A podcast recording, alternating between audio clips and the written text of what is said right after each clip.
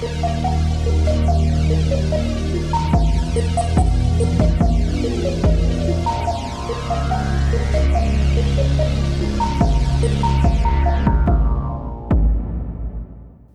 bij aflevering 35 van Moordzaken, de podcast.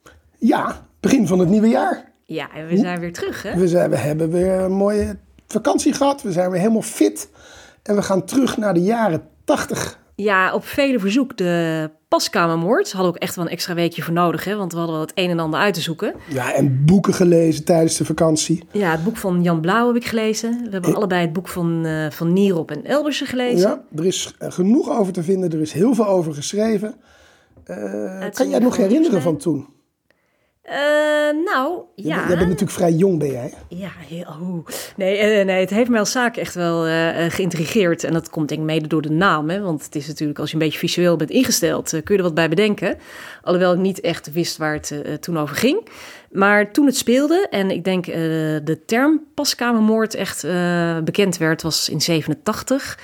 Toen was ik 13. Maar ik, eh, ik, heb, ik heb toen- het opgepikt uit de krant destijds, ja. Ik deed toen al eindexamen. Nee, ik heb het zeker toen meegekregen. En, eh, maar toch ben ik ook wel weer verrast door een aantal details. En we gaan enorm veel vertellen. Ik denk dat het wel eens een hele gezellige lange aflevering kan worden. Het kan natuurlijk zijn dat wij wat details missen. Maar we gaan proberen het rustig en zo duidelijk mogelijk aan jullie te vertellen. Eh, en misschien dat Carrie en ik elkaar nog een beetje kunnen verrassen her en der. Ja weet het nooit. een teaser eh, horen vooraf? Nou, vertel. Ja, ehm, even, even dus eh, terug in de tijd.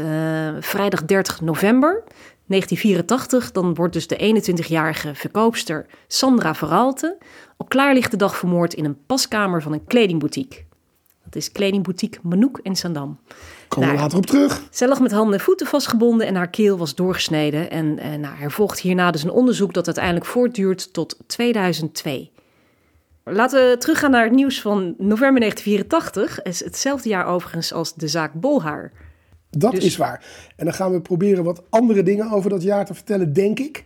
Onder andere, eh, Desmond Tutu ontving in dat jaar de Nobelprijs voor de Vrede. En hij is natuurlijk belangrijk geweest in het kader van het eh apartheidverhaal. Althans, een grote tegenstrever daarvan. En dat is natuurlijk best bijzonder, want hij is afgelopen december overleden op 90-jarige leeftijd. Hele bijzondere vent. Ja. ja, en Michael Jackson, ik weet niet of jullie dat nog weten. ehm, ik was natuurlijk in, de tiende jaren. Ik bedoel, Michael Jackson was hot in die tijd. Die raakte ernstig verbrand tijdens het opnames van een, eh, een reclamespotje voor Pepsi. Dat was toen een vuurwerkinstallatie eh, te snel afging. En eh, zijn haar die raakte, eh, die vloog in de fik. En dat kreeg ernstige brandwonden. Kon je ook die moonwalk van hem, eh Carrie? Die, die, Ja, mooie die kon ik- stapjes? die kon ik ook. Die, die wil ik straks even zien. Ja, ja. Nee, wat gebeurde er nog meer? Op 1 november 1984 wordt abortus gelegaliseerd in Nederland. Dat klinkt natuurlijk aan de ene kant misschien wel vanzelfsprekend, maar dat is het niet. En tot op de dag van vandaag, want eh, heel actueel op dit moment bijvoorbeeld in een heleboel Amerikaanse staten, is namelijk of abortus gelegaliseerd blijft. Dus zo vanzelfsprekend als het klinkt, zo is het niet. Nee. Het woord van het jaar, nou die verkiezing van het woord van het jaar bestaat in Nederland pas vanaf 2003. Maar bij de Oxford English Dictionary bestaat het al veel langer. En het woord van het jaar 1984, hè, volgens die Oxford English Dictionary, was shopaholic. Ik zal er weer niks over zeggen. Nee, maar, Maar- Dat, dat is voor ons nu een heel normaal woord, maar het woord stamt dus uit 1984. Nou, ik denk dat wel vaker die eh, gekozen woorden van het jaar gewoon blijvertjes zijn. Ja, Zo zal het dit jaar ook wel weer zijn. Sport. Nou, ik moet zeggen, ik ben wel een fan van al die films die gaan over die bergbeklimmers. Alle megatoeren. Je hebt daar echt hele spectaculaire series en films over. Maar er is natuurlijk één Nederlandse bergbeklimmer en dat is Bart Vos. En die beweerde in dat jaar, 8 oktober om precies te zijn, de eerste Nederlander te zijn die de Mount Everest heeft beklommen. Maar de geleerden en de hele klimwereld, die hebben wel hun twijfels daarover. En daar zijn dus ook hele boeken over geschreven of het nou echt waar is dat hij daar bovenaan heeft gestaan. Ik vind het altijd wel een mooi fenomeen. Ik vind het trouwens ook best wel griezelig hoor, dat bergbeklimmen. Ja, ik heb ook zo'n docu gezien. Echt. Oh Ja. man. Ja, nou, het, het weer eh, op 30 november 84 redelijk zonnig. Koele dag met 4,5 uur zon en 11 graden. En muziek, nou, ja, Carrie wilde dat deze keer zo graag zeggen. Ik krijg helemaal geen kans. Nou, vertel, vertel, vertel, okay, Carrie. Nee, sowieso 84 is denk ik wel het jaar van alle grootste en bekendste 80-hits. Want we luisterden in, in 84 naar Thriller van Michael Jackson, uh, Like a Virgin van Madonna, Careless Whisper van George Michael, uh, Hello, Lionel Richie, The Reflex van Duran Duran. Allemaal wereldhits. Maar op nummer 1, op 30 november 84, stond mijn idool van vroeger. Hè, waarvan ik de posters uit de hitkranten aan de muur had geplakt. Niet omdat het zo'n lekker ding was, maar wel vanwege die weergeloze muziek die hij maakte. Prince. Ja, en dan met het echt wel hele mooie nummer Purple Rain.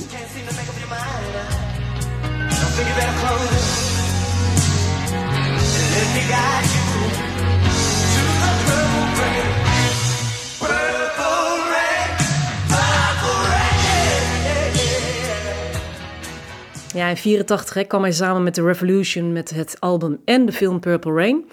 Maar het beste nummer van het album vind ik overigens uh, When Doves Cry. Ja, van Prince gaan we natuurlijk naar het speurwerk. En misschien wel een droom van ons en ook van andere mensen zou kunnen zijn om een privédetective te zijn.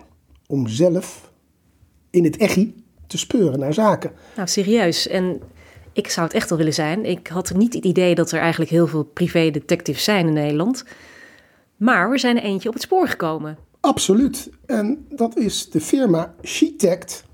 En dat is een samenstelling van She en Detect. En dan gaat het om Irma. Zij is privédetective. Ja, dat is ook nog een vrouwelijke speurster. Ja, en die kunnen dat waarschijnlijk heel goed. En ze heeft zich ook uh, gespecialiseerd in een aantal zaken, variërend van ziekteverzuim, frauduleus ziekteverzuim onderzoeken, tot aan overspel. Nou, dat klinkt, klinkt heel spannend. Klinkt interessant. Ja. Ze kan helpen bij vermissingen, ja. uh, misbruik van alimentatie. Ze is eigenlijk van heel veel markten thuis. Dus ze bestaan echt. Ja. Zeker. Haar gegevens vind je trouwens op shitect.com. Als je er nodig hebt, dan kun je er bereiken. Nou, goed te weten. Um, wij gaan terug naar 30 november 1984, uh, eh, een vrijdagochtend in Zaandam.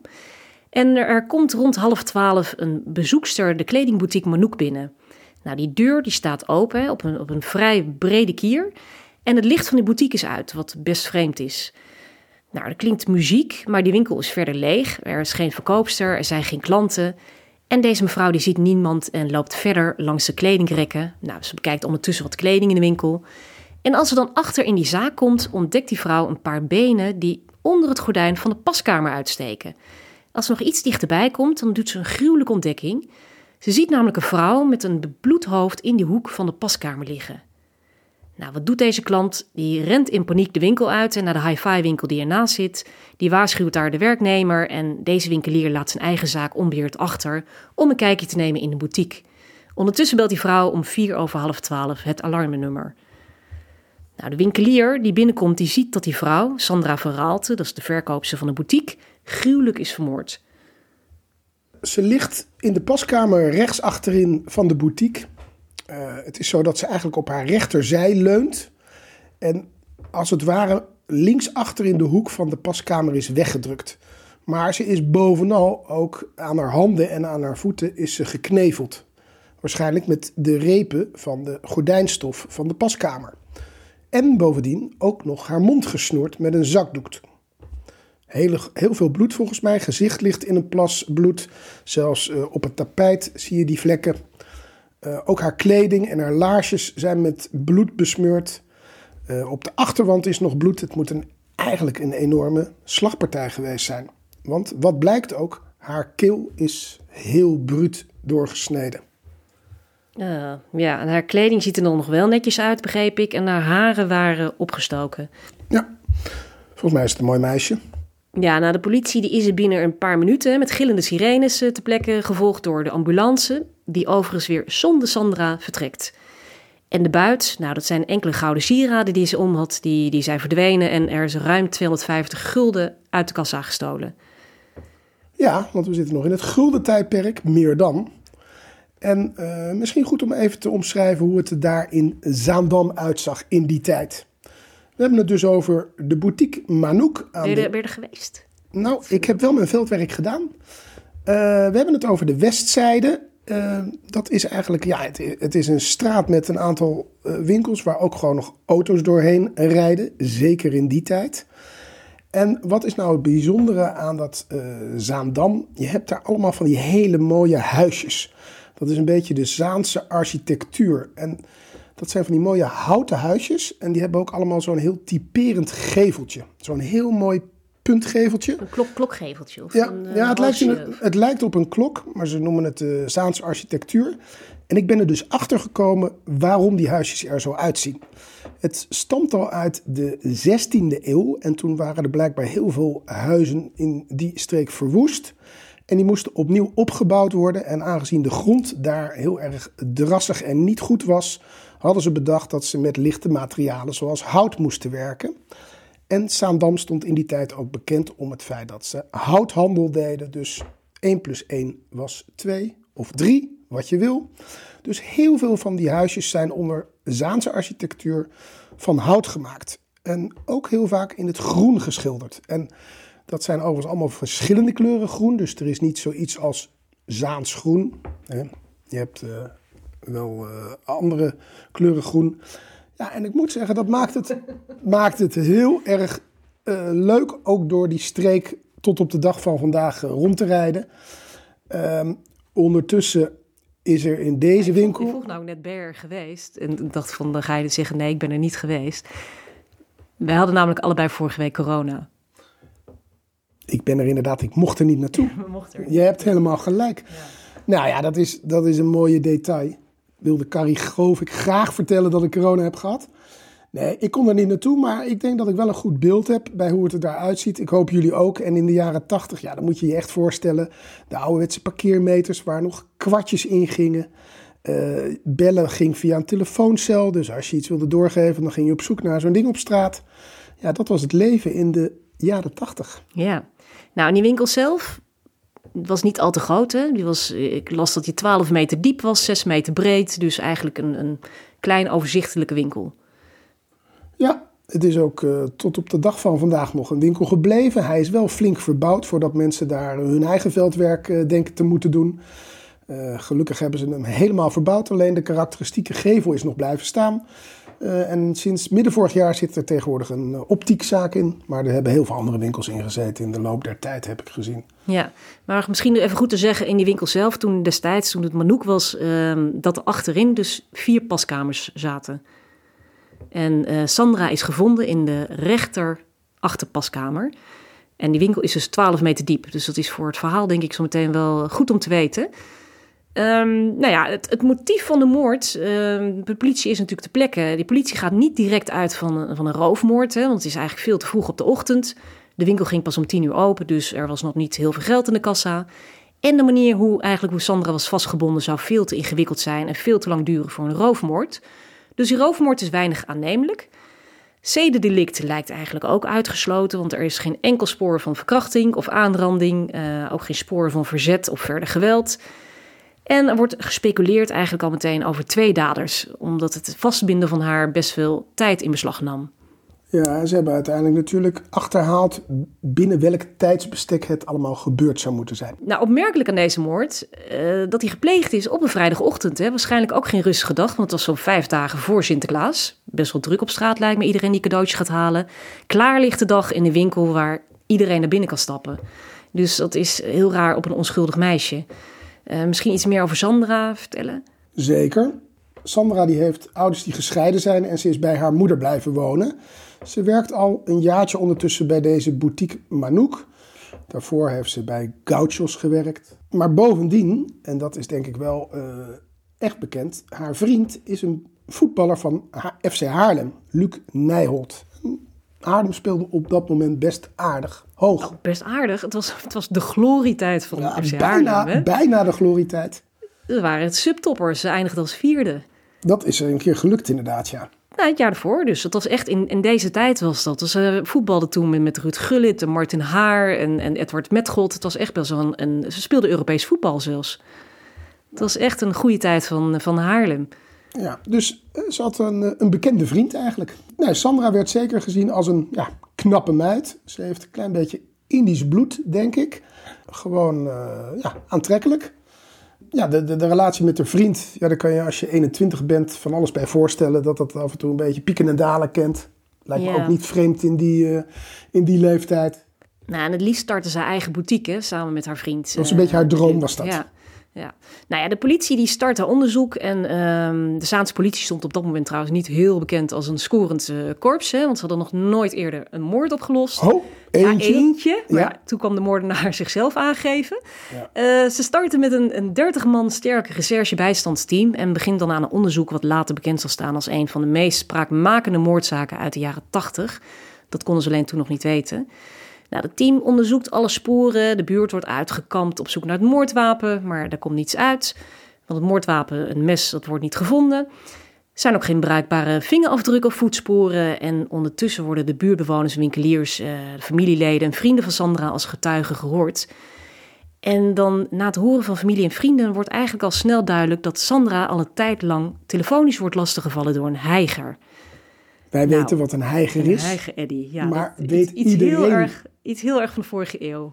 Ja. toen er natuurlijk nog geen mobiele telefoon bestond, alleen maar een vaste telefoon. Ja, hoe kon je dan mensen ongewenst lastigvallen? Ja, dat was door iemand gewoon anoniem te bellen. En dan rare hijggeluiden door de telefoon te maken. En dat gebeurde echt wel regelmatig. Uh, en ik heb natuurlijk een beetje zitten denken waar je dat mee kunt vergelijken uh, in, in, in de huidige wereld. Dan denk ik ook een beetje aan wat ik van mijn kinderen hoor natuurlijk, niet van mezelf. Uh, ja, dat is een beetje het sturen van dickpics en dat soort dingen. En het, en het, het shaming of uh, hoe ze het allemaal noemen tegenwoordig. Sextortion. Ja, ja. ja mensen die uh, foto's van zichzelf ongewenst of in ieder geval ongevraagd meestal gaan sturen. Ja. Uh, vroeger ging dat dus met het uh, hijgen door de telefoon. Ja, nou, Sander had er daar dus uh, die had er last van. Ehm, nou, de politie die roept ook andere getuigen op om zich te melden. Iemand die misschien iets gezien zou kunnen hebben. En de eerste tip komt van een medewerker van de fietswinkel iets verderop in de straat. Hij heeft een lange tijd een man door die straat, de westzijde overigens, zien rondlopen. Een man van ongeveer 1,85, zwart haar, 30 à 35 jaar oud. En er is nog een vrouw, die heeft ook een man voor de boutique uh, zien rondlopen. Zij zegt het is een Turks-Slavische man in een uh, donkergroen colbert. Nou, dan zijn er nog twee belangrijke getuigen. Die hebben de dader ook vermoedelijk gezien. De belangrijkste is een, is een oudere vrouw hè, die rond kwart over elf in die boutique uh, binnenkomt. Nou, zij zegt ook de lichten waren uit. En toen zij verder die winkel inliep, stapte er een man met zwart haar op haar af. En hij zei tegen haar dat de winkel gesloten was. Nou, op haar vraag hoe laat deze dan open gaat, antwoordt deze man over een half uur.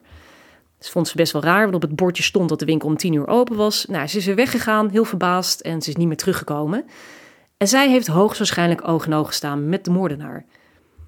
Nou, ze geeft een signalement af. Um, een donkere man, donkere kleding, donker haar, een beetje stevig, uh, rond de 1,75, rond de 30 jaar. Buitenlands. Ja, dat vond ik ook. Dat is ook echt jaren 80, hè? Vermoedelijk is... een buitenlander. Ja, dat is gewoon een man die in Nederland geboren is waarschijnlijk, maar... Iets donkerder gekleurd. Destijds werd dan gezegd dat is een buitenlander. Ja. ja. Dan is er nog een andere getuige, rond half twaalf, hè, mevrouw op de Herengracht, vlakbij. Die is haar ramen aan het wassen en terwijl ze bezig is, komt er een uh, man, die komt heel snel langs wandelen en die stopt zijn handen in haar emmertje sop. Nou, dat vindt ze best raar natuurlijk. Uh, ze meldt zich diezelfde, diezelfde avond nog bij de politie. En zij geeft ook het signalement uh, een Zuid-Europees type. Blank, zwart, glad haar, bol gezicht, 30 jaar, rond 1,74. Het signalement komt overeen met de vrouw die die man in de boutique heeft gezien. Nou, de politie neemt de emmer mee, er worden bloedsporen aangetroffen, maar te weinig voor uh, analyse, want ze heeft de emmer inmiddels omgespoeld. Wel wordt er een compositietekening gemaakt en die kunnen ze dan inzetten. Nou, ik vind eigenlijk dus dat ze best veel getuigen hebben. Maar ja, dat krijg je ook in een winkelstraat op klaarlichte dag. Ja. En die getuigen geven best wel een eenduidend uh, signalement, vind ik. Lijkt, lijkt best op elkaar. Ja, je zou denken kat en bakkie. Precies. Je zou zeggen, hoe ingewikkeld moet het zijn? Maar dat blijkt het natuurlijk wel te zijn. Ja, de laatste klant die in de boutique was en Sandra levend heeft gezien, dat is rond uh, drie over elf geweest. Toen is hij vertrokken. Op dat moment stond er nog wel een vrouw trouwens uh, met een pagekapsel. Hè? Dat is zo mooi, uh, nou omschrijf je dat? Zoek het maar op. Een pagekapsel achter in de winkel kleding te passen. Um, die vrouw is overigens nooit bij de politie gemeld. Maar we kunnen dus vaststellen dat die moord dus gepleegd moet zijn tussen drie over elf En kwart over elf, het moment dat die andere mevrouw de winkel binnenstapt. Ja, dus dat is maar een tijdbestek van 12 minuten. Belangrijk om te onthouden. Als je bedenkt hoe Sandra aangetroffen werd. Nou, er zijn er ook nog andere getuigen, die, die melden zich ook. Waaronder een, een jonge vrouw die rond vijf over elf voor een dichte deur stond. Dus de deur van de winkel was tijdens de moord op slot. Nou, Terwijl ze toch uiteindelijk de sleutels uh, in de zak van Sandra zelf hebben teruggevonden. Ja, dus die getuige heeft dus een enigszins uh, dubieuze verklaring ook. Want die andere mevrouw om kwart over elf kon wel de winkel binnenstappen. Ja, en de deur bleek niet te klemmen, hebben ze later onderzocht. Nee, dus... maar deze getuige zal later nog een cruciale rol spelen. Nou, zover de getuigen die dus waarschijnlijk oog in oog hebben gestaan met de eventuele moordenaar. Uh, ze gaan verder uh, de, mensen in de buurt ondervragen. Onder andere de met Sandra bevriende fietsenhandelaar Rob van Zanen. Van, uh, van Zanen Tweewielers. Hadden een mooie winkel. Ja, die, die is goed bevriend met Sandra. Want Sandra kwam geregeld met haar vriendje Luc bij, bij de Van Zanens thuis. Bij, bij Rob en zijn vrouw. Nou, hij was met name met Luc bevriend. En zijn vrouw was iets meer met Sandra connected volgens mij. Ja, ja klopt. Maar het waren in ieder geval bekenden van elkaar. En vandaar ook dat van Zanen natuurlijk toen hij daar kwam kijken, natuurlijk het meest geschrokken was. Want hij wist natuurlijk dat Sandra daar werkte. Ja, want hij was bezig die vrijdagochtend uh, met het laden en lossen van zijn bus. Nou, zoals al zeiden, die fietswinkel zat 70 meter verderop. Um, nou, en hij schrok inderdaad van die politieauto, hè, die iets over half twaalf uh, met, met die gillende sirene stopte voor, uh, voor de boutique. Dus hij werd bij de ingang tegengehouden door de agenten. Maar hij wist daarna toch over die drempel te stappen. Dus hij is binnen geweest. Ja, hij ging gewoon een beetje in de slipstream van die agent mee naar binnen. Of hij nou een meter of een paar meter binnen heeft gestaan. Maar hij heeft natuurlijk best wel even kunnen zien. Ieder geval iets kunnen zien. Uh, hij was eigenlijk de derde persoon die daar was naast die twee mensen van de hi-fi winkel. En hij was er ook vrij snel. En hij legde natuurlijk ook direct een relatie naar Sandra, omdat hij die persoonlijk kende en wist dat zij daar werkte. Dus ik, ik kan me wel voorstellen dat. Nou, en hij zag die ambulance natuurlijk vertrekken zonder Sandra. Dus dan heb je toch al een aanname dat er iets, wel, uh, iets meer gebeurd moet zijn dan. Uh...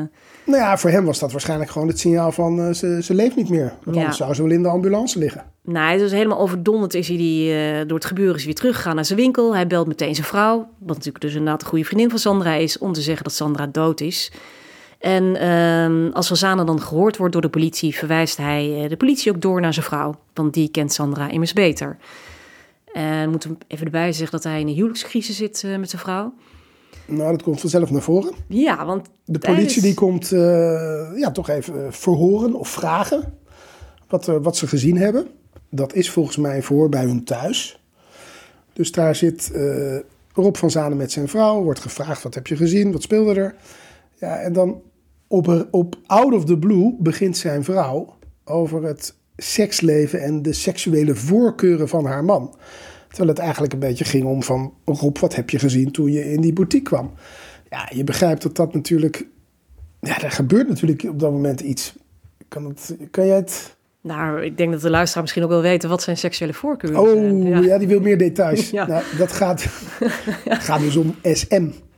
Ja, ja. het sadomasochisme. Sadomasochisme. En uh, ja, ze klapt dan best wel uit de school eigenlijk.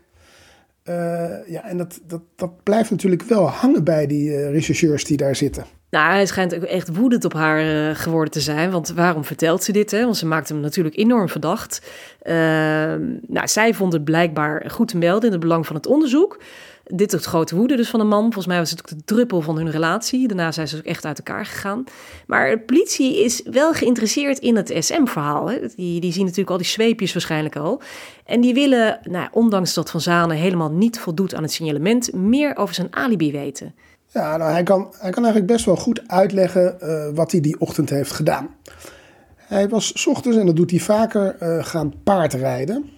En uh, hij kwam ongeveer om kwart over tien thuis van de manege. En was eigenlijk direct daarna naar de winkel gegaan. Volgens mij is hij niet zo ver van zijn huis. En hij geeft aan dat hij daarna begonnen is met het laden en lossen van een bus. Daar heeft ook nog een bekende van hem die langskwam, heeft hem erbij geholpen. En uiteindelijk zegt hij, ja, op een gegeven moment hoorde hij de uh, loeiende sirene door de straat komen. En die zag hij stoppen voor de boutique. En op dat moment is hij daar zo snel mogelijk naartoe gegaan om te kijken wat er aan de hand was. Dat is eigenlijk zijn verhaal. Ja, dat wordt ondersteund ook door zijn collega in, in de fietswinkel. Die, die zegt ook dat hij kwart voor elf bij die winkel ongeveer aankwam. Uh, en heeft staan laden lossen tot kwart over elf. Ja, die jong, dat is een jonge collega en die zegt ook, joh, ik stond gewoon nog naast Rob toen de politiewagen aankwam. Dus ja, in zijn ogen is het in ieder geval duidelijk dat Rob daar niet iets mee te maken had met nee. spreken. Nee, dus hij zegt wel, die auto kwam om kwart elf aan, maar die politieauto kwam om half twaalf. Maar goed, ondanks deze fout, uh, genoeg getuigen. Het alibi van Van is dus waterdicht, zou je zeggen. Uh, nou, het politieonderzoek gaat verder. Die concentreert zich op de getuigen die eventueel die moordenaar hebben gezien en een signalement hebben afgegeven. En in dit signalement van deze getuigen wordt de persoon Kamal Erol herkend. En dat is geen onbekende van de politie. Ja, even aangeven, hoe die persoon in beeld komt. Er zijn meerdere mensen eigenlijk die op basis van die compositietekening bij deze man komen. En uh, ja, die blijkt behoorlijk wat op zijn kerfstok te hebben. En eigenlijk ook wel een beetje bekend te staan als iemand die verslaafd is aan heroïne, die daarvoor kledingwinkels, kledingwinkels berooft, uh, gaat voor het snelle geld, soms ook met excessief geweld. Ja, je zou zeggen, past redelijk in het plaatje. En als je dan ook nog even kijkt naar uh, het signalement. Het is wel zo dat uh, het signalement is inderdaad al gegeven, maar dan gaat het om iemand met glad haar, donker haar. En uh, ja, iemand kan natuurlijk ook af en toe een wat andere haardracht hebben. Ja, en deze man is drie dagen na de moord, op 3 december, wordt hij wegens uit de hand gelopen drugsdeel alweer aangehouden op de Zeedijk in Amsterdam. Daar had hij een mes bij zich. Dat mes is natuurlijk ook in beslag genomen en naar het NFI gestuurd. Um, dat zorgt nog voor enige verwarring, maar dat is volgens mij heel lang bij het NFI blijven liggen. Daar is op dat moment eigenlijk niet zoveel mee gedaan. Nou, de drie getuigen die een signalement hebben afgegeven, die krijgen op 20 december op het bureau foto's te zien van deze Erol. Maar hij wordt eigenlijk niet herkend hè, op die foto's. Dan een dag later, op 21 december, dan volgt er een uh, Oslo-confrontatie. Nou, dat weten we inmiddels, dat is die line-up. Uh, weer met Errol, die op dat moment trouwens alweer vastzit uh, voor een winkeldiefstal. En dan is er een opmerkelijk feit. Nou, hij wordt uh, bij die Oslo-confrontatie ook door niemand herkend. Alleen bij deze confrontatie is die oudere vrouw uit de winkel niet aanwezig. En zij was notabene de kroongetuige. Dus zij is niet op dat moment met hem geconfronteerd. Nee, het is natuurlijk een enorm gemiste kans. Want zij heeft waarschijnlijk uh, de dader het meest duidelijk gezien. Misschien samen met die mevrouw met haar emmertje. Die had natuurlijk ook een redelijk goed beeld uh, van, de, van de dader. Ja, de dader. Ja, het is een verdachte, hè? Dus ja. het, is, het, is, het is geen dader. Uh... Nee, van de verdachte. Ja, dus uh, gemiste kans daar. Nou, hij zit vast, hè? Dus ze hadden hem ook kunnen verhoren die dag zelf. Ja, maar ze vragen niet echt door volgens mij hierover. Nee, hij zegt dat hij niet in Zaandam was 30 november. En nou, zijn broer wordt ook nog ondervraagd. En die zegt van hij heeft bij mij gelogeerd is vertrokken uh, met een groot mes bij zich. Maar inderdaad, de rechercheur die informeert uh, niet verder. Ook naar zijn alibi wordt, alibi wordt verder niet gevraagd. Dan is er wel een tweede verdachte, die komt ook in beeld. En dat is die Turkse Slavische man, hè, die verdacht voor die boutique liep. Die werd ook door getuigen gezien. En het signalement van deze man wordt herkend door een, uh, een hulpverleenster van vluchtelingenwerk. Het zou gaan om een Joegoslaaf. Zijn naam is uh, Tajpovski. Sukraja, ja, mooie voornaam ja, vond ik dat. Ja, nou, een hele agressieve man, ook een krachtige persoon. En hij was in 83 al naar Nederland gekomen voor uh, politiek asiel. Maar dat was afgewezen. Uh, en hij had inderdaad die sociaal werker had die, uh, die, die dag op bezoek.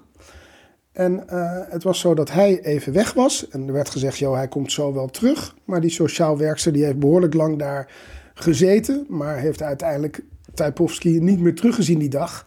Maar het wordt nog veel opmerkelijker hij blijkt diezelfde dag onmiddellijk al zijn geld van de bank te hebben gehaald, als een tegoed, zijn kinderen uit school en is direct vertrokken. Nou, dat uh, zou toch ook een signaal moeten zijn, zou je zeggen? Ja, via Heerlen naar Joegoslavië. Ze hebben het nog kunnen achterhalen. Ja, maar de politie heeft hem uiteindelijk niet kunnen of willen verhoren in het Oostblok. Ze hebben in ieder geval niet genoeg hun best gedaan. Want die sociaal werker die bleef nog gebeld worden door hem met best wel vreemde vragen. Dus er bleef gewoon nog contact tussen hem en Nederland.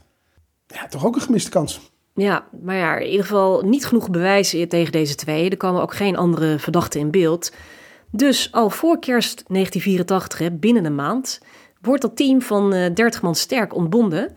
Dus het actieve onderzoek is op dat moment afgerond en die, die zaak suddert voort, maar er komen eigenlijk geen nieuwe ontwikkelingen. Nog wel, volgens mij begin 85, in januari, uh, wordt opnieuw die compositietekening nog een keer uh, verspreid door een aantal kranten. Druppelen er wel wat enkele tips en reacties binnen. Onder andere een, uh, een vroegere buurman van Errol die hem herkent. Ehm, die bewuste is trouwens uit het dossier gehouden. En in februari 1985 is er een man die Errol kent uit de drugscene. Hij zelf een oud-verslaafde die onlangs was afgekikt. En hij zegt dat hij hem op die dag van de moord rond 12 uur op het perron in Zaandam heeft gezien. Krassen in zijn gezicht hè, en hij ziet dan ook uh, die foto van Errol. Die zegt alleen, ja, zijn haardracht die dag was anders. Dus op de foto heeft hij krullend haar, maar op die dag van de moord was het glad achterover.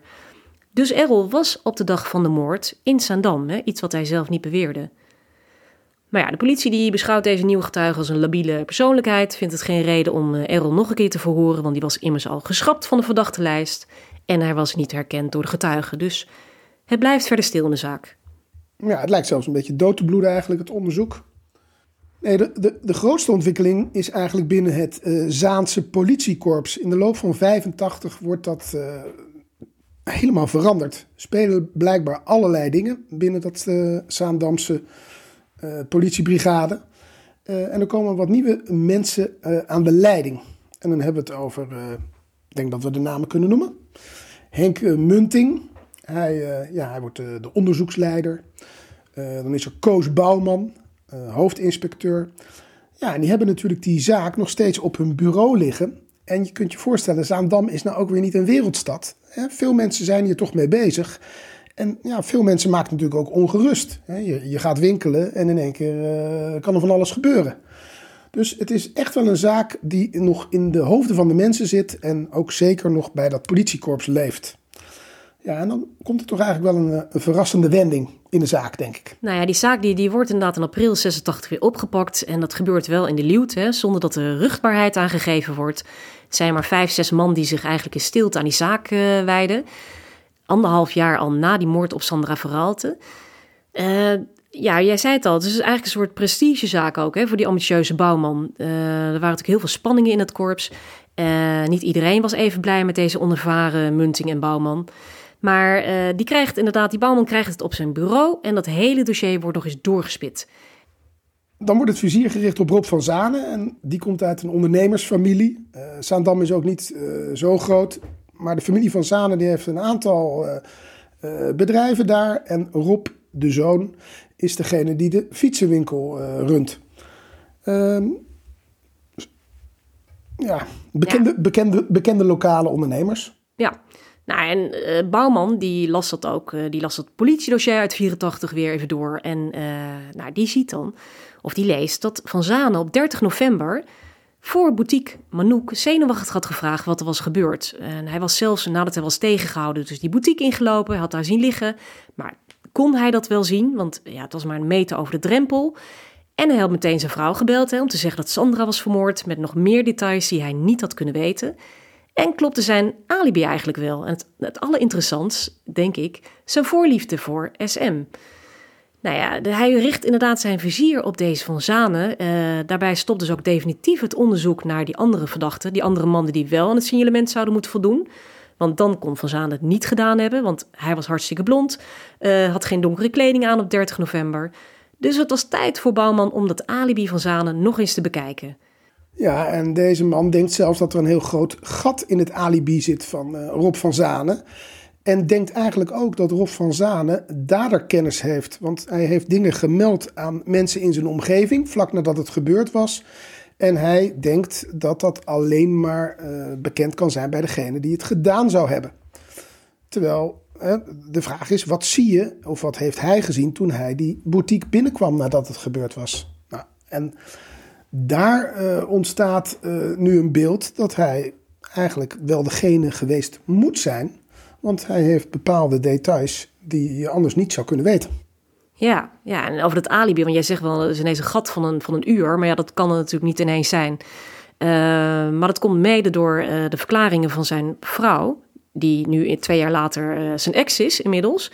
Uh, die heeft namelijk gezegd dat hij waarschijnlijk wel eerder naar de winkel is gegaan, hè, om kwart over tien. Dus dan zou hij de tien voor half elf al geweest kunnen zijn. En ze ondervragen ook de man die hem heeft geholpen met het laden en lossen. Nou, die zegt dat hij misschien ook wel om kwart over elf bij de winkel aangekomen zou kunnen zijn. Dus dan hebben we ineens van tien voor half elf tot kwart over elf bijna een gat van een uur. Ja, en de medewerker, daar vertrouwen ze de verklaring niet meer van, omdat hij toch een beetje mis zat met de tijd van de politiewagen die aankwam. Uh, dus die wordt een beetje terzijde geschoven. Nou, Best wel een belangrijke gezegd, verklaring. dat- ja, ook nog gezegd dat hij waarschijnlijk zwijgeld had eh, ontvangen hè, van Van Zanen. Dus eh, inderdaad niet meer betrouwbaar. Nou ja, eh, maar goed, als ik jou nu vraag, Eddie, wat deed jij eh, vrijdag 20 november 2020? Was jij daar om half elf of om tien over half elf? Nou ja, dat is natuurlijk vaak het geval. Je kunt dat soort dingen niet meer als een soort film terugdraaien. Dat is, dat is natuurlijk onmogelijk. Afgezien Nee. nog even van precies de dag, eh, laat staan de tijd.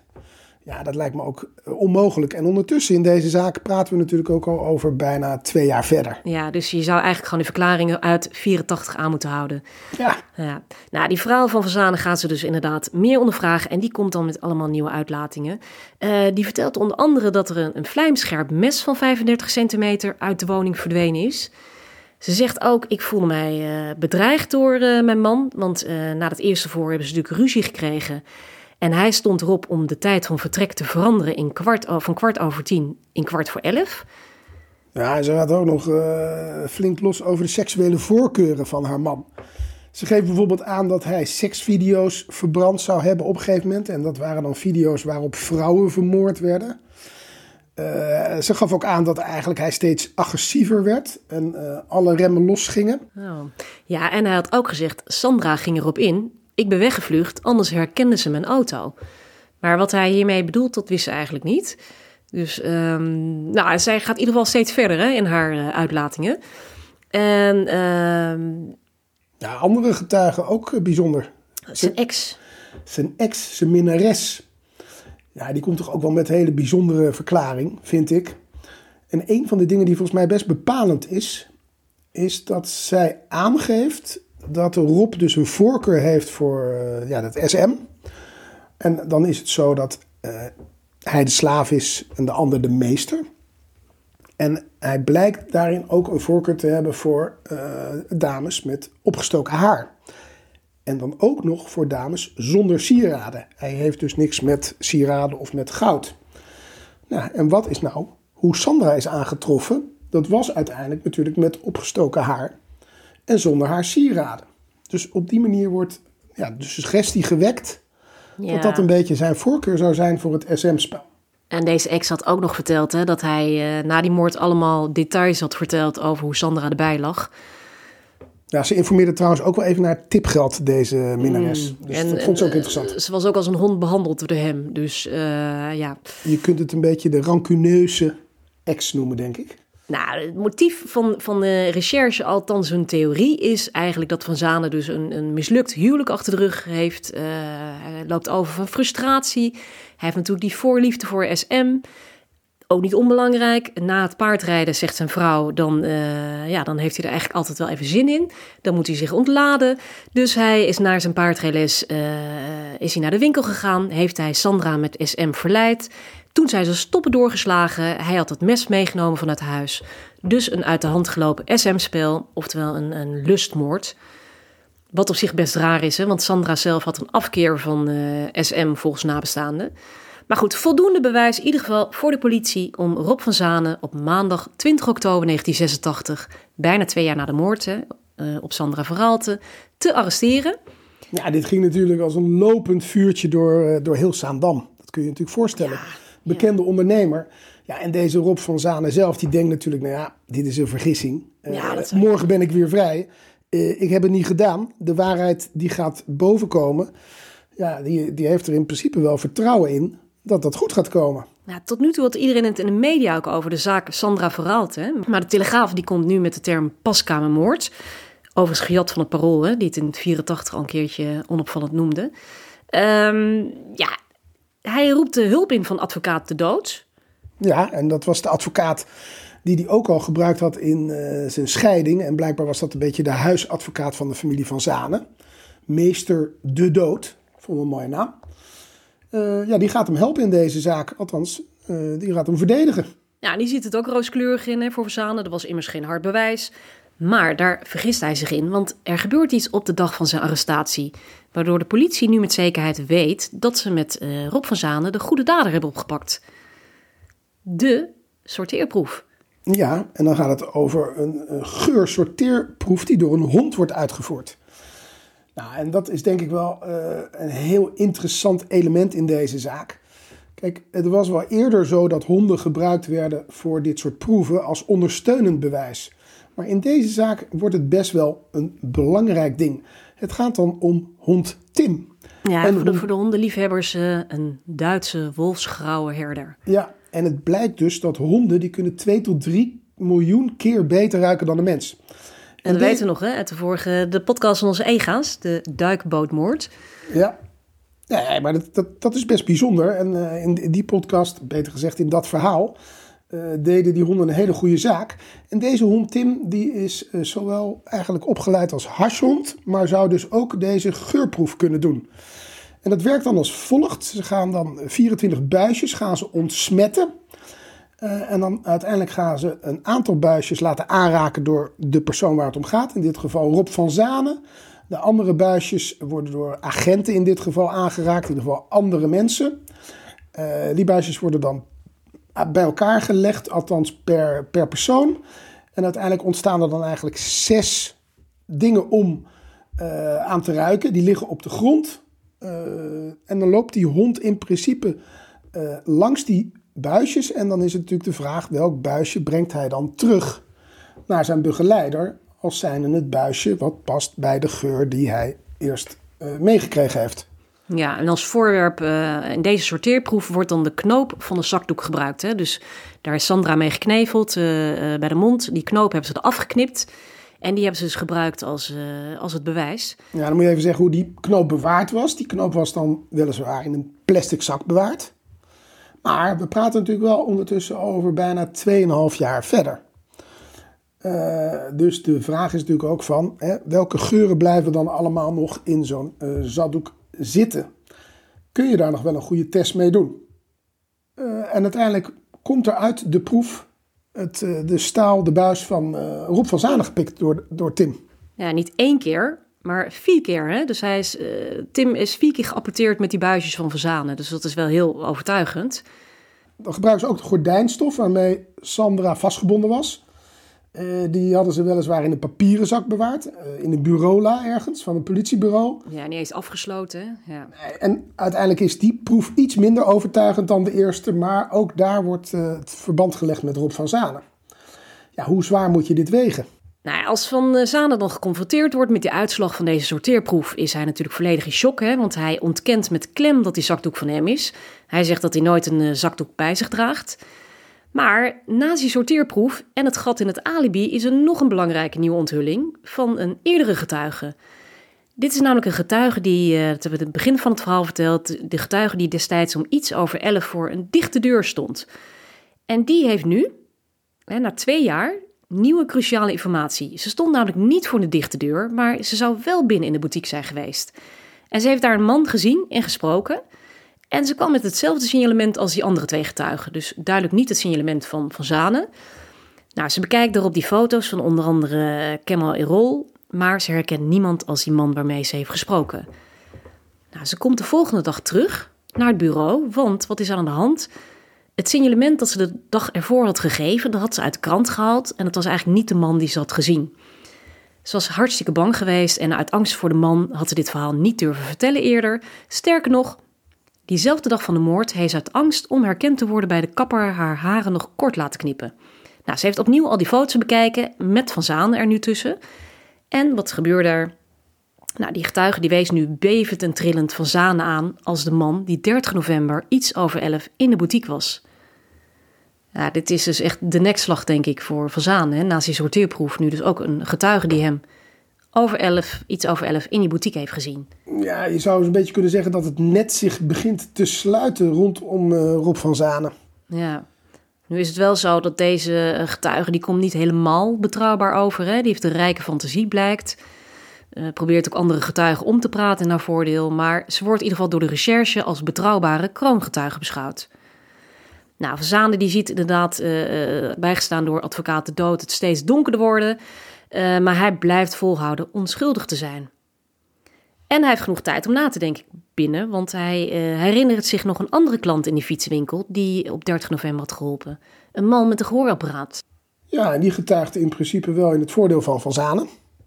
Nou, ja, eigenlijk heel raar, want uh, hij wist niet meer wie die man was. Hè? Dus hij uh, kende de naam niet meer. Dus advocaat, zijn advocaat, die zoekt die man op in het dossier. Maar die vindt hem gek genoeg niet. Terwijl Van Zanen weet dat hij dit verhaal in 84 ook al gedaan heeft. Dus zijn advocaat besluit erop een oproep in de krant te doen. Nou, die man die meldt zichzelf diezelfde dag nog bij de advocaat. En die getuige die met die gehoorapparaat, die is heel verbaasd. Want hij blijkt in 84 al twee keer gehoord te zijn. En afgelopen mei was hij nog een keer gehoord. Maar zijn verklaringen zijn dus buiten het dossier gehouden. Ja, die hielpen natuurlijk niet. Nee. Het is natuurlijk wel duidelijk op wie het vizier uh, gericht is op dit moment. Ja, en dan doet Van Zanen namelijk iets heel onschuldigs dat grote gevolgen zou hebben. Ja, hij gaat iets veranderen aan zijn verklaring over de zakdoek. Want wat blijkt, Sandra heeft de avond voordat het gebeurde gegeten in de winkel van uh, Rob van Zanen. Blijkbaar uh, doen ze dat vaker. Ze schijnen daar haché gegeten te hebben. En uh, ja, wat Rob van Zanen zegt, ook om te kunnen verklaren waarom zijn geur aan die zakdoek gezeten zou kunnen hebben, zegt hij ja, misschien, ik heb toch wel eens een zakdoek en ze moest haar mond afvegen en dan heb ik misschien mijn zakdoek aangeboden. En ja, die heeft ze misschien bij zich gestoken. Dat wordt eigenlijk zijn verklaring over de zakdoek. Ja, en hoe komt hij aan die verklaring? Dat vond ik namelijk ook een mooi verhaal, want zijn broer, die, uh, die wist het ook niet meer. Die dacht van juridisch krijg ik hem niet uit. Die heeft allemaal hulp gaan inroepen van paragnosten en uh, hypnotiseurs. En blijkbaar is er een paragnost geweest die heeft gezegd, die heeft gezien dat die zakdoek dus uh, van hem was. En dat Sandra hem uit zijn broek heeft getrokken om haar mond ermee af te vegen. Ja, dat heet de paranormale gave. Heet dat. Ja, nou, die, die verklaring ja. in ieder geval, de nieuwe verklaring van Verzanen zal in die komende rechtszaak een cruciale rol spelen. Want in maart inderdaad 87 komt die rechtszaak uh, naar de eis van officier van justitie, acht jaar. Uh, opmerkelijk trouwens uh, de rechter die erbij zit. Een van de rechters was de niet onbekende uh, Gerard Sprong. Ja, en toen wat minder, minder bekend. toen nog minder bekend, een stuk jonger. plaatsvervangend rechter. Maar speelde wel een bijzondere rol, denk ik. In ieder geval als het gaat om de SM-voorkeur van uh, de verdachte. Dat vindt hij heel interessant. Die rechtszaak, um, ja, heel veel aandacht natuurlijk. Want zou het dan eindelijk opgelost zijn? Het gaat natuurlijk om een aantal dingen. Het gaat om dat gat in het alibi. Het gaat om de verklaring van Van Zanen aan andere mensen. Hè, dat kun je daderkennis noemen. En het gaat natuurlijk om dat motief, hè, dit, uh, dat SM. Ja, wat gebeurt er allemaal in die zaal? Enorm veel, denk ik wat belangrijk is, en ik denk dat dat is wel goed van de verdediging, die probeert natuurlijk aan te tonen dat Rob van Zanen wel in die boutique geweest is. En wat heeft hij dan kunnen zien? Want er circuleert een, uh, een plattegrond van, uh, van de boutique. En dat zou lijken alsof het gangpad heel erg smal is, misschien 30 centimeter. Maar de advocaat van Van Zanen die laat door een architect het allemaal nog eens een keer op basis van de foto's reconstrueren. En dan blijkt dat dat gangpad eerder 60 centimeter is. En dat is natuurlijk wel een groot verschil. En Carrie helemaal in het begin al zei, het is niet een enorm grote zaak, 12 meter diep. Ja, als je een paar meter in die winkel staat, kan je wellicht best het einde van die zaak zien en ook die paskamer. En ja, dan kan je best wel wat uh, waarnemen. Dus dat is een belangrijk element van de verdediging, is het aantonen van het feit dat uh, Van Zanen dat gewoon zelf gezien kan hebben. En dan gaat het natuurlijk nog even om die agent waar hij achteraan liep. Nou, uh, heeft hij dan één meter of een paar meter verder in de winkel gestaan? Nou, hij is in ieder geval niet voorbij het kassablok gelopen. Maar ja, hij is gewoon echt wel even in die winkel geweest. Dat is natuurlijk een belangrijk uh, element van de verdediging, denk ik. Ja, en ook het alibi. Hè. Ik bedoel, ze hebben inderdaad de getuigen die, die het allemaal tegenspreken wat de politie heeft uh, gerechercheerd. Maar die worden dan toch weggezet als onbetrouwbaar. En uh, nou, die verklaring van die nieuwe kroongetuige, hè, die hem had gezien in de winkel. Daar gooit de verdediging het heel erg op. Die willen haar onderuit halen als fantast. Nou, uh, die vriendinnen van haar die laten ook geen spaan van haar, heel, van haar verklaringen. Die zeggen ook meestal liegt ze 98 van de 100 woorden. En dan de sorteerproef natuurlijk, ook niet onbelangrijk. Hè, die normaal inderdaad, wat je al zei, gebruikt wordt als een aanvulling op bestaande bewijsmiddelen. Uh, en die veranderende verklaring van hem over die zakdoek, dat speelt dan niet heel erg lekker mee. Maar ook daar weet de verdediging iets op te zeggen. Want uh, nou ja, die zakdoek, Ja, dat is heel onwaarschijnlijk. Hè? Dat Sandra de volgende dag die vieze zakdoek weer bij zich zou hebben. En dat de dader die dan uit haar zak heeft gehaald en heeft gebruikt. Uh, maar ook voor de gordijnstof heeft de verdediging een verklaring. Hij had namelijk in de winkel wel eens een broek gepast. En zo zou zijn geur aan het gordijn zijn gekomen. Ja, ik denk dat hij beter zijn mond had kunnen houden. Ja, dat heeft hem zeker niet geholpen. En uh, wat ik nog wel bijzonder vond over die verklaringen 2,5 jaar later. De, de, verklaringen die direct nadat het gebeurd was gegeven zijn, die worden eigenlijk een beetje afgebrokkeld. Bijvoorbeeld van de medewerker van de winkel. En die wordt dus 2,5 jaar later als niet meer betrouwbaar beschouwd, want het is zo lang geleden. Maar de nieuwe verklaringen, bijvoorbeeld van zijn ex-vrouw en van zijn minnares, die worden na 2,5 jaar in één keer meer waard ten opzichte van wat ze 2,5 jaar daarvoor hebben gezegd. Kijk, en het is natuurlijk zo, je kunt het niet meer helemaal reproduceren na al die tijd. Maar het zijn wel juist die wisselende en die veranderde verklaringen die, hem, uh, ja, die het hem heel moeilijk maken, denk ik. Ja, want die rechtbank in Haarlem die veroordeelt Van Zanen op 19 maart 1987 tot 12 jaar gevangenisstraf. Ja, en dan wat ze, hoe ze het ook beargumenteren. Ze zeggen nou, het is wettig en overtuigend bewezen dat hij grof misbruik heeft gemaakt van het vertrouwen. Hè, want hij kende Sandra, dus dat zou dan, uh, daarom zou hij binnengelaten zijn. En ze nemen hem ook nog een keer kwalijk dat hij is blijven ontkennen. Ja, uh, dat zou je juist moeten waarderen in iemand dat dat hij denkt, ik heb het niet gedaan, dus ik uh, ga het niet bekennen. Ja, maar een zeer hoge straf, hè? want het wordt acht jaar geëist en hij gaat voor twaalf jaar achter de tralies. Nou, ik had graag bij aanwezig willen zijn in die tijd, want uh, inderdaad, twaalf minuten. Ja, twaalf minuten. Hoe kun je iemand dat, vast binnen twaalf minuten en vermoorden en dat door een uit de hand gelopen SM-spel? Ja, en dan ook nog met het moordwapen wegkomen en alles. Nee, ja, dus hij had eigenlijk, uh, conclusie, maar die hadden ze zelf volgens mij ook al getrokken in die tijd, uh, pech met zijn advocaten. Slechte tactiek. Ehm, die wilde de kroongetuige ongeloofwaardig maken, maar die had beter op een uh, ander paard kunnen wedden. Nou ja, meer inderdaad uh, een advocaat in de civielrechtelijke zaken en strafrecht was niet helemaal zijn vakgebied. Dus uh, ja. Maar hij gaat, op zoek, hij gaat op zoek naar een nieuwe advocaat. Er passeren een paar namen de revue, maar uiteindelijk komt hij bij Piet Doedens terecht.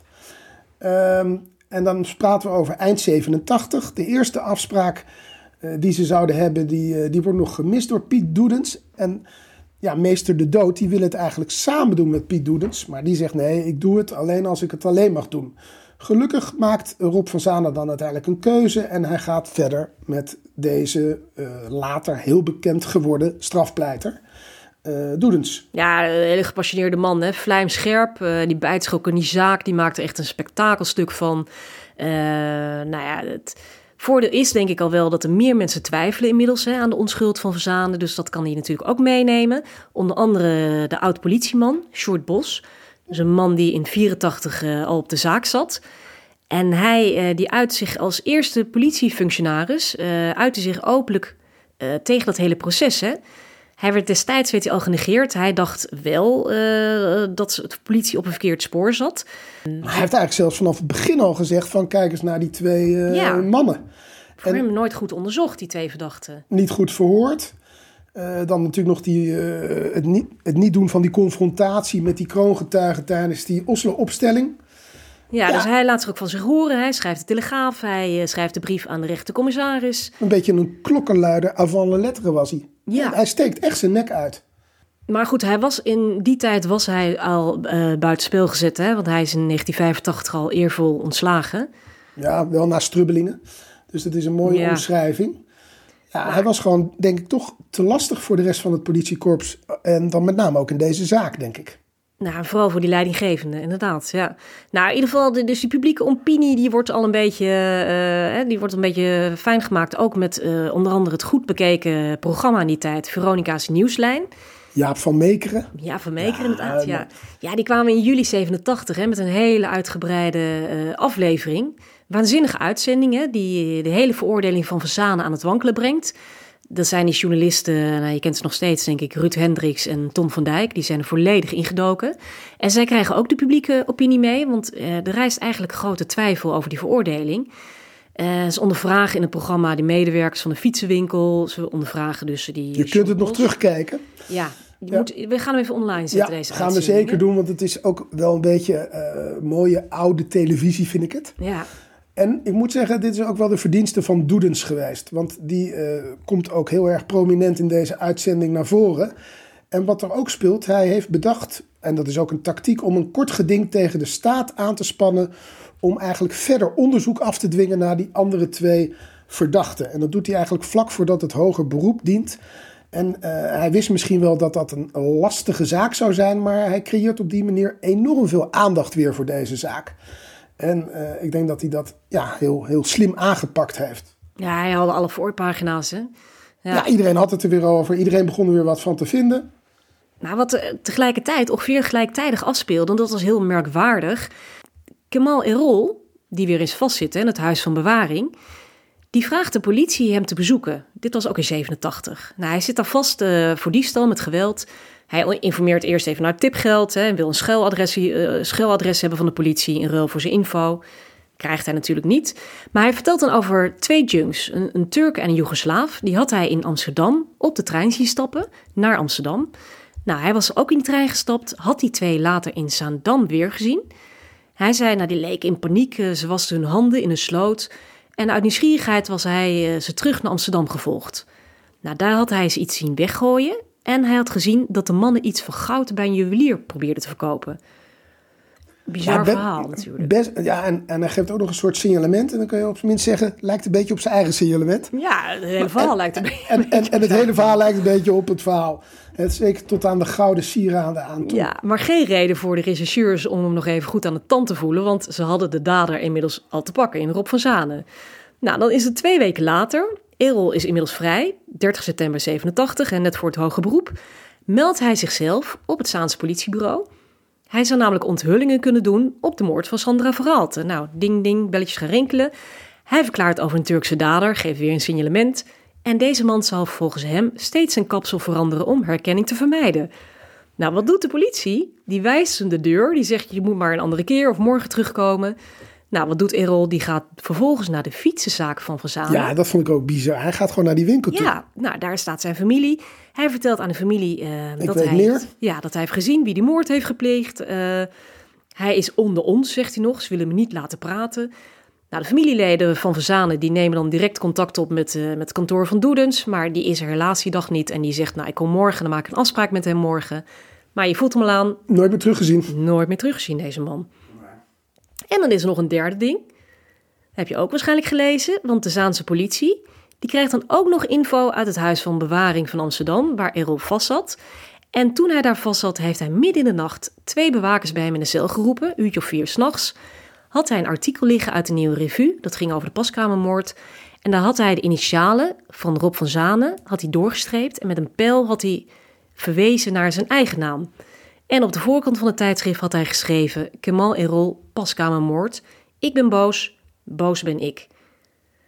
Nou, hij wordt dan wel gehoord dan, hè, door de rechtercommissaris. Dus het zijn toch drie dingen dat ze waarschijnlijk denken... we gaan hem toch even verhoren, deze Camille, uh, Kemal Erol. Ja, maar echt het vuur aan de schenen leggen doen ze niet, volgens mij. Nee, en hij ontkent alles weer. Hij zegt niks. Hij zegt, uh, ik ben er nooit 30 november geweest. Sterker nog, ik ken deze hele boutique, ken ik niet eens. Dus daar houdt het dan op. Ja, nou, dan is er nog een vrouw met, uh, met het pagekapsel, die om iets over elf achter in die boutique kleding stond te passen. Die vrouw die nooit meer terug is gezien. Die was heel lang onopspoorbaar, uh, komt ook naar aandringen van de politie zich niet melden, maar is ondertussen wel gevonden bij het hoge beroep. Ja, en ze blijkt op allerlei manieren eigenlijk zichzelf een beetje uh, weggemaakt te hebben. Ja. ja. Ja, maar wie ze nou is en wat ze is, dat en is welke voor mij, rol ze gehad heeft. blijft voor mij een mysterie tot aan het einde. Ja. Uh, het hoge beroep dient en uh, Piet Doedens, uh, die gaat er goed voor zitten. En eigenlijk haalt hij elk feit onderuit. Ten eerste bijvoorbeeld hoe Sandra was aangetroffen. Het was eigenlijk voor Sandra heel normaal als ze haar werk begon, dat ze zich dan ging kleden in iets uit de winkelcollectie. Dus dat was waarschijnlijk het moment dat ze daar even in die paskamer was en even haar opstak. Uh, en wellicht haar uh, sieraden afdeed of niet, maar ze ging verkleden. Dus ja, dat zou in ieder geval een goede verklaring daarvoor kunnen zijn. Uh, ja, dan kom je natuurlijk bij de verklaringen van de ex-vrouw en van de minnares. Ja, behalve dat dat natuurlijk 2,5 jaar later is, zit daar natuurlijk ook ongelooflijk veel rancune in. Dat mag ook duidelijk zijn. Dus de vraag is, hoe betrouwbaar uh, zijn die getuigen? Nou, die worden natuurlijk ook weer tijdens het hoger beroep ondervraagd. Uh, ja, die, die komen toch een stuk minder zeker over dan uh, daarvoor. Maar zij wordt, uh, zij wordt ook echt aangepakt. ze krijgt zelfs een reprimande. Ja, er blijft eigenlijk niks over van die verklaringen. het is trouwens wel even goed om te zeggen: de advocaat-generaal bij het Hof is mevrouw Corvinus. en die eist tien jaar. Dat is de, ja, de, de lager, nieuwe eis. Lager, Lager dan dan de de straf. twaalf. Nou, en daarnaast, en dat uh, is denk ik ook een hele goede zet van Doedens, uh, brengt hij 56 getuigen uh, naar voren. Althans, dat vraagt hij aan. Ze zullen uiteindelijk niet allemaal getuigen in de rechtszaal. Nee, maar toch wel 17, wat volgens mij echt wel een groot aantal ja, is. Heel veel mensen worden weer opnieuw ondervraagd. Die en... zitting is trouwens, ook wel een feitje. Die zitting die start een uur te laat, omdat ze vergeten waren om Van Zanen op te halen in Utrecht. Oh ja, die zat er in het huis van bewaring, ja, toch? Volgens mij is het een keer eerder gebeurd bij een van onze andere moordzaken ook. Dat ze, dat ze vergeten, dat ze vergeten zijn om de verdachte op te halen. Dat is ook bizar. Ja, en wat natuurlijk ook cruciaal is, is dat hij de, de, de geursorteerproef uh, helemaal onderuit weet te halen. Met ook allerlei uh, experts op dat gebied die toch moeten toegeven dat het natuurlijk heel dunnetjes is. Ja, die brigadier, die, die hondenbegeleider, die Kaldebach, die, die had nog gezegd... Hè, met de proef was echt alles in orde, want ik heb er zelf met mijn neus bovenop gezeten. En daar maakt uh, Doedens dus korte metten mee. Ja, kijk, als je dat dan doet, dan zou het natuurlijk blind moeten gebeuren. Maar niet dat de begeleider wel kennis heeft van uh, de, de, de buisjes waar de geur van Van Zanen aan zit. Nee, want hij legt dat uit. Hè. Die sorteerproeven inderdaad, die moeten, moeten dubbelblind uh, gebeuren. De, de hondengeleider mag juist niet bij het leggen van die buisjes aanwezig zijn. Hij mag ook niet weten welk buisje van de verdachte is. En dit alles natuurlijk om die onbewuste beïnvloeding uh, te voorkomen. Nou, dat is bij Tim helaas wel gebeurd bij de, bij de hond. En hiermee staan eigenlijk ook meteen alle sorteerproeven onder kritiek. Ja, nou, die zullen nog wel een aantal jaren gebruikt worden, maar uiteindelijk is dat helemaal afgeschaft op een gegeven moment. Uh, blijft natuurlijk lastig. Uh, ken je dat verhaal van, uh, van het Duitse paard? Ja, dat heb ik wel, ben ik wel tegengekomen. Ja, die schijnen ook heel goed te zijn erin, toch? ja, nee, ja, dat is een verhaal uit begin vorige eeuw, uit 1902. Je had een heel bekend paard, dat heette Kloeke Hans. En dat paard kon rekenen, hè? dat is een wonderpaard. Dus als je vroeg hoeveel is het 3 maal 2, dan uh, gaf Kloeke Hans een antwoord om met zijn uh, voet te stampen. Nou, waanzinnig knap. Totdat iemand opperde om hem oogkleppen op te doen. En wat bleek? Nou, toen wist hij helemaal niks meer, hè? Hij wist ja, niets meer, ja, nee. nee. Want Kloeke Hans kon bij, bij zijn eigenaar dus minimale, uh, nauwelijks waarneembare bewegingen zien. Hè? Dus hij wist wanneer hij moest stoppen, als een baas dat onbewust aangaf. En dat is dus ook zo met deze sorteerproeven met die honden. Dus honden kunnen heel ver naar achteren kijken en die voelen ook spanningen. En... De rol van de begeleider is kortom veel te groot. Uh, maar gelukkig kunnen we concluderen dat het Hof uh, een, een goede uitspraak doet. Namelijk onherroepelijke vrijspraak. En dat deden ze zelfs na een paar dagen. Daar was zelfs uh, Piet Doedens niet op berekend, want normaal duurt dat twee weken. Maar uh, binnen enkele dagen werd iedereen bijeengeroepen. Uh, Doedens kon er zelf helaas niet bij zijn. Ja, ik denk een enorme opluchting, en dat weet ik wel zeker, voor de familie van Zanen. Ja, ja. Ja gerechtigheid. Hè, want nou ja, als dit... Waarop is hij vrijgesproken dat het bewijsmateriaal was te schaars, hè, te indirect. die sorteerproef kon ook niet meewerken als bewijs. En er werd te veel getwijfeld aan de betrouwbaarheid. Um, dus na 16 maanden, inderdaad 19 dagen, was Van Zanen weer vrij. Alleen toch bleven nog heel veel zaankanters, hè, zoals het mooi heet, die bleven toch na die vrijspraak hem nog steeds van moord verdenken. Ja, en niet, het bewijs is een schaars, hè? dat betekent niet van uh, het is helemaal niet zo. Nee, maar, zelfs, maar, ja, maar zelfs die aanklager Corvinus, die zei na afloop, ik ben er namelijk nog steeds van overtuigd dat Van Zanen het heeft gedaan en dat de goede verdachte voor de rechter is gebracht. Ja, dus dat is wel het zwarte randje, vind ik dan nog aan zijn vrijspraak. Ja, en ook nog de officier van justitie die zegt, ja, uh, blijft overtuigd. Dit is niet vanwege slordigheden of vormfouten. Het gerechtshof vond wat er aan bewijs was, niet voldoende was om tot een veroordeling te komen. Dus ook hij blijft gewoon nog steeds ja. Geloven in zijn gelijk. Je zou toch op zijn minst van mensen excuses verwachten? Ik bedoel, je zou, ja, je zou het gewoon een nieuw regel... onderzoek, hè? Nieuw onderzoek naar een nieuwe moordenaar, want dat gebeurde natuurlijk ook niet. Nee. Gebeurde in de jaren negentig zelfs helemaal niets meer. En het lijkt erop dat die moordzaak verjaart eind 2002... Maar in augustus 2000 is nota bene de moeder van Sandra van Raalte... die in een brief aan de minister van Justitie, Korthals destijds... die vraagt om de moderne onderzoekstechnieken op het gebied van DNA... op die paskamermoord toe te passen. Ja, want er zijn natuurlijk enorme ontwikkelingen geweest op dat gebied. En ze gaan inderdaad een aantal oude zaken met die nieuwe DNA-technieken uh, bekijken. En gelukkig geven ze ook aan dat deze paskamermoord daartoe behoort. Dus gaan ermee aan de slag. Cold case, ja. ja. Dus een heel team hè, van de regiopolitie Zaanstreek Waterland. Die beginnen heel met een nieuw tactisch en technisch onderzoek zelfs. Ja, het cold case team heet... Confectie. Nou, het is... Beetje lugubere naam. Je weet wel direct wat ze bedoelen. Ja, nou ja, in ieder geval het DNA-onderzoek wordt gedaan. En uit het DNA-onderzoek komt de onthulling. En waar hebben we het dan over? Uh, nou, de gevonden DNA op de zakdoeken. Ja, uit die uiteinde. Het uiteinde van die zakdoek inderdaad. Nou, dat DNA dat blijkt, niet verrassend, van Kemal Erol. En het dolkmes van Erol. Ja, dat vond, dat vond ik echt een bizar verhaal. Dat mes hebben ze wel goed bewaard, kan je op zijn minst zeggen. Ik geloof nog steeds ergens in de bureaula van een politiebureau. Maar ze hebben destijds dat mes onderzocht. Dat hebben we al eerder genoemd. Toen kwam daar eigenlijk niet iets uit. Maar nu hebben ze ook een keer de schroefjes losgemaakt en gezorgd dat het lemmet eraf gaat. En ja, daaronder blijkt gewoon ook het DNA-profiel van Sandra te zitten. Dus zowel van. het heft inderdaad, ja. ja van Kemal Errol als van Sandra. Dus we hebben het wel eventjes over 17 jaar later. Blijkt eigenlijk dat het moordwapen al die tijd gewoon binnen handbereik heeft gelegen. Het was er gewoon. Ja. 17 jaar lang en dan moet jij zeggen, dat zijn het al gelukkig dat in deze zaak die bewijsstukken zijn bewaard. Hè? Dus ook zelfs dat dolkmes van, van Errol toen destijds uh, bewaard is. We hebben namelijk ook zaken gehad waar dit niet zo was. Hè? Dus die zaak Bolhaar uit hetzelfde jaar. Er werden dingen weggegooid. Ja. Nou, het is dus te danken eigenlijk aan de moeder van Sandra Verraalte dat die zaak 17 jaar na de moord, op 23 juli 2002, dan toch is opgelost. Nou, die daders die worden opgespoord, maar... Ja, dat blijkt een tegenvaller. Een enorme tegenvaller, ja. Want Kemal Erol is in 1993 uh, al overleden, blijkt, aan een overdosis heroïne. Ik heb trouwens ook gelezen dat hij al een keer een, iemand vermoord had en vijf jaar had gezeten. dus hij, ze hadden toch ook wel kunnen zien dat dat een kerel was die ongelooflijk veel op zijn kerfstok had. En ik ben ook nog het verhaal tegengekomen dat hij in de gevangenis een keer aan iemand gedemonstreerd heeft hoe je met een mes uh, het beste iemand zijn keel kon doorsnijden. Dan met je linkerarm pak je het hoofd naar achter en dan, nou ja, je kunt je er van alles bij voorstellen, moet je eigenlijk niet willen. Allemaal dingen die al een keer naar voren waren gekomen en gewoon niets mee gedaan. Nou, en Taipovsky, dat is dus de, de Joegoslaaf, de tweede dader die ook verdacht werd, die was, nou, je kan het bijna niet geloven, maar die was in mei 1992 in Macedonië omgekomen bij een auto-ongeluk. Ja, waarvan mensen zich wel afvroegen of het een auto-ongeluk was. Of het überhaupt dood was? Ja, en nog belangrijk over deze Taipovsky, die hebben ze eigenlijk ook al veel eerder in het vizier gehad. Maar zelfs toen hij naar het Oostblok gevlucht was, uh, wat ik eerder vertelde, is hij nog een keer teruggekomen in Nederland.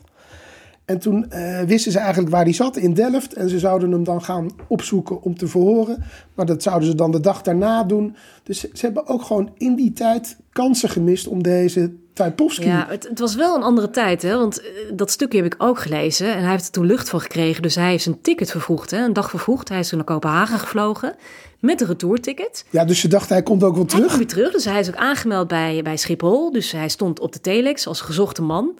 Ja, telex ook uit die tijd, hè? maar hij is dus ook, hij is gewoon terug kunnen komen. Hij is gewoon door de marché, door de douane gegaan. Niemand die hem tegengehouden heeft. Het, het was een andere tijd, dus... Nee, daar zijn ze niet scherp geweest. Nee. Nou ja, het is natuurlijk wel heel fijn dat uiteindelijk ook duidelijk is wie het dan wel gedaan heeft. En uh, ja, het motief was dan in essentie gewoon een, eh, een hele brute roof met heel veel geweld. Uh, zeker niet seksueel. Uh, ja, eigenlijk klip en klaar, maar dat had al zoveel eerder klip en klaar kunnen zijn. Ja, het is ook wel duidelijk dat Rob van Zanen vraagt om eerherstel. Hij had eerder bij zijn vrijspraak had hij al een genoegdoening gekregen. Dat was in die tijd geloof ik 60.000 gulden. Nou, daar kon hij natuurlijk amper zijn advocaten van betalen. Dus dat was allemaal niet zo schokkend. Maar ja, nu is natuurlijk onomstotelijk vast komen te staan dat hij het niet gedaan heeft. Omdat duidelijk is wie het wel gedaan heeft. Ja, Piet Doedens die uh, legt een nieuwe claim neer. Die noemt dat uh, vanwege blaamschade. Rob van Zaan is in zijn eer en goede naam aangetast. Ja, astronomisch bedrag vraagt hij van 1 miljoen euro. Dat wordt uiteindelijk afgewezen. Dat, dat krijgt hij niet. Maar uiteindelijk draagt Piet Doedens het over aan iemand anders. Want Ja, dat is civiel recht. Dat is natuurlijk een zaak tussen een individu en de staat. En iemand gaat daarmee aan de slag. Uh, en die bereikt uiteindelijk wel een grote schadevergoeding.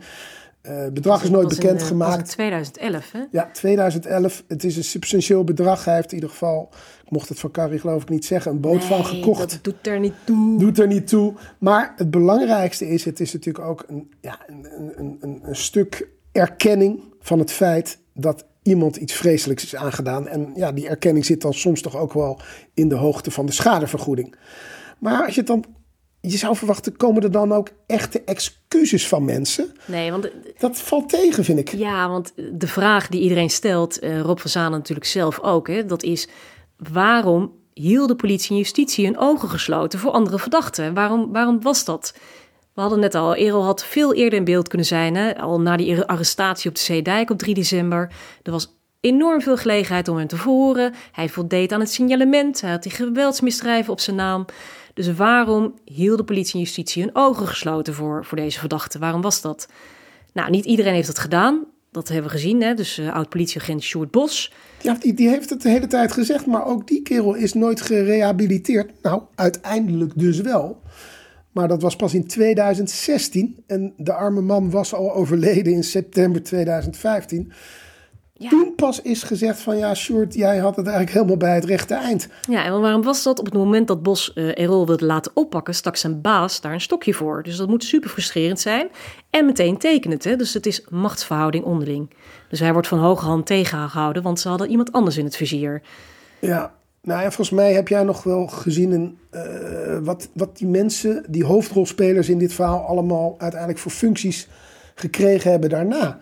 Ja, want er hebben, hebben hier toch echt mensen zitten slapen. Uh, of is het bewust? Het is ook wel interessant eigenlijk. Hè? Wat is er nou gebeurd, Carrie?